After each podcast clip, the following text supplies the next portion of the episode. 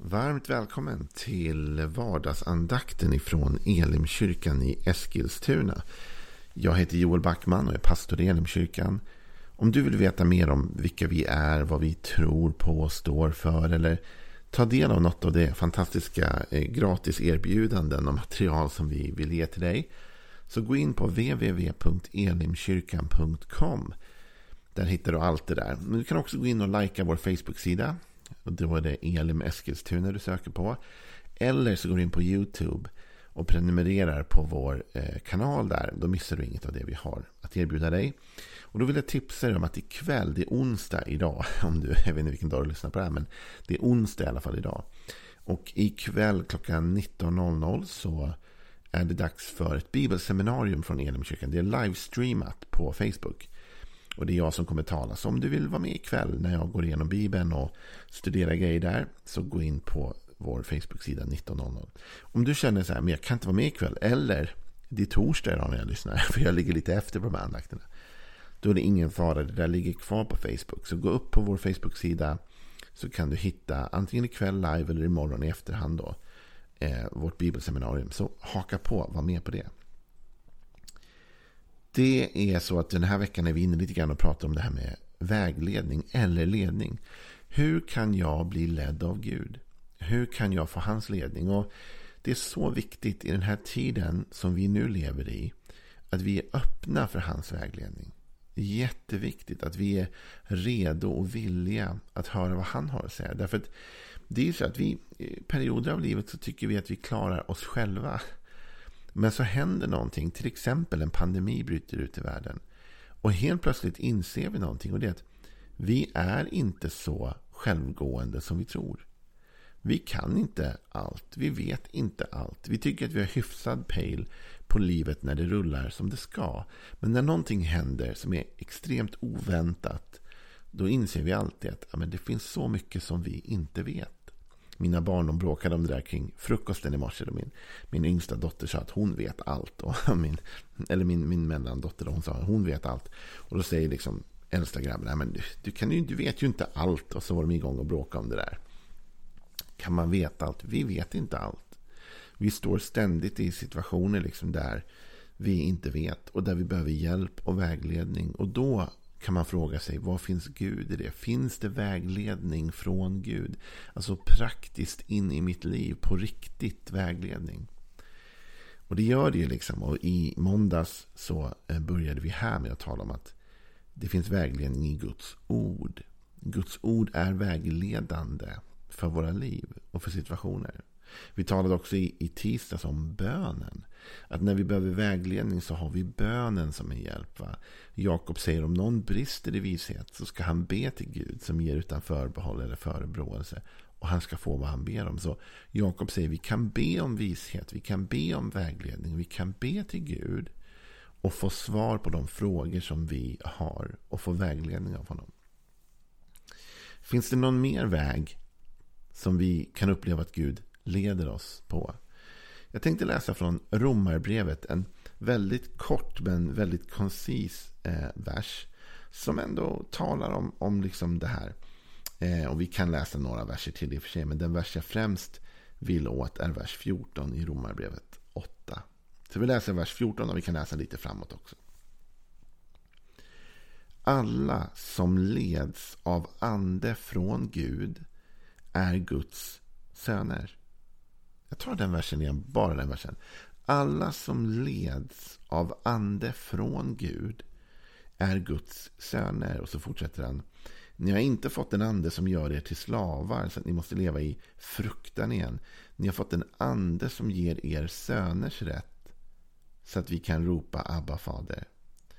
Anden själv vittnar tillsammans med vår ande om att vi är Guds barn.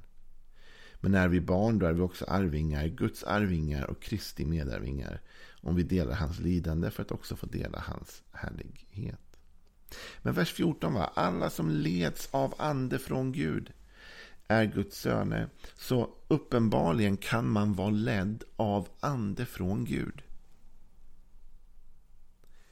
I våra sammanhang brukar vi förstå att det man menar här och refererar till här är den helige ande. Jag vet inte hur insatt du är i detta, men Bibeln talar om en treenig Gud. Och det har du säkert hört. Hur kyrkvan eller ovan du än är. Så har man säkert hört den här frasen. I Faderns, Sonens och i den helige Andes namn. Talar man om den treenige guden som är Gud Fader, Gud Sonen, Jesus då. Och den helige Ande. Och vi kan vara ledda av ande från Gud. Så säger Paulus här i Romarbrevet. Ledda av den helige ande. Och det kanske man tycker är, hur går det till då? Hur funkar det? Är det bara att man ber till den helige ande? Ja, det kan vara i samtalet med den helige ande. Men jag skulle vilja påpeka eh, någonting om den helige ande. Den helige ande talas det om som att han ska bo i oss. Det står faktiskt så i Bibeln att, att den helige ande, att världen kan inte ta emot den helige ande. Men ni kommer kunna ta emot honom, säger Jesus, därför att den helige ande ska bo i er. Så den helige ande bor i mig. Den helige ande finns inuti mig som har tagit emot Jesus. Och då skulle jag vilja vara så fräck så att jag utmanar dig att säga så här. Att den helige ande leder ofta oss genom våra inre känslor och tankar. Den helige ande finns som en närvaro i mig som leder mig. Och här blandar många ihop det. Och jag, ibland när jag pratar med människor som inte är så kyrkvana. Och de kanske säger så här. Ja, men jag fick en känsla eller en tanke. Eller jag kände på mig. Pratar om intuition. Det är klart att det finns något sånt kanske. Men för en kristen människa så skulle jag säga att en människa som har tagit emot Jesus och blivit fylld av den helige ande så är väldigt ofta det vi kallar för intuition inte någon sorts bara mänsklig liksom, känsla eller tanke utan det bottnar i den, det kanske är den heliga ande som talar. Ibland har jag lust att säga så till människor. De säger, ja men jag fick en känsla, eller jag visste att det var så här. Hur visste du det? Nej men jag bara kände det på mig. Kände du det bara på dig? Eller kan det ha varit så att den helige ande i dig gav dig den känslan? Gav dig den tanken? Gav dig den inspirationen? Kan det ha varit så att det är en helig ande som arbetar med ditt känslosystem, som arbetar med varningsklockor inom dig, som arbetar med tankar. Jag tror att det är så. Och jag skulle vilja att du och jag som lyssnar på det här nu, att vi liksom utvecklade en medvetenhet om att vi bär vägledning inom oss. Det är ju väldigt ofta så att när vi tänker så här, jag måste få tag i vägledning, jag måste ha någon som ger mig råd, som vägleder mig så sträcker vi oss väldigt ofta liksom utanför oss själva, eller hur? Vi ringer någon eller vi försöker få tag i en bok som kan berätta för oss. Eller vi googlar eller vi hittar på något annat. Vi på något sätt försöker sträcka oss utanför därför vi tror inte att vi själva har svaret på den här frågan. Och det kanske vi inte har i oss själva. Men återigen, om du har tagit emot Jesus så säger Bibeln att du har fått den helige ande som gåva och att den helige ande nu bor inom dig. Då har du i dig vägledning. Och Jag skulle önska att vi kunde utveckla den medvetenheten att jag behöver inte alltid springa till andra. Det är inte fel att göra något av det andra. Det är inte fel att fråga människor om råd eller leta svar på nätet eller läsa Bibeln som jag sa, det är en vägledning. Men att också inse att jag har en kompass kan man säga inom mig som leder mig rätt. Och att jag vågar lyssna till den kompassen. Att jag inte bara avfärdar det, utan att jag lyssnar till det. Ibland så sa man förr i kyrkasammanhang att man skulle följa friden.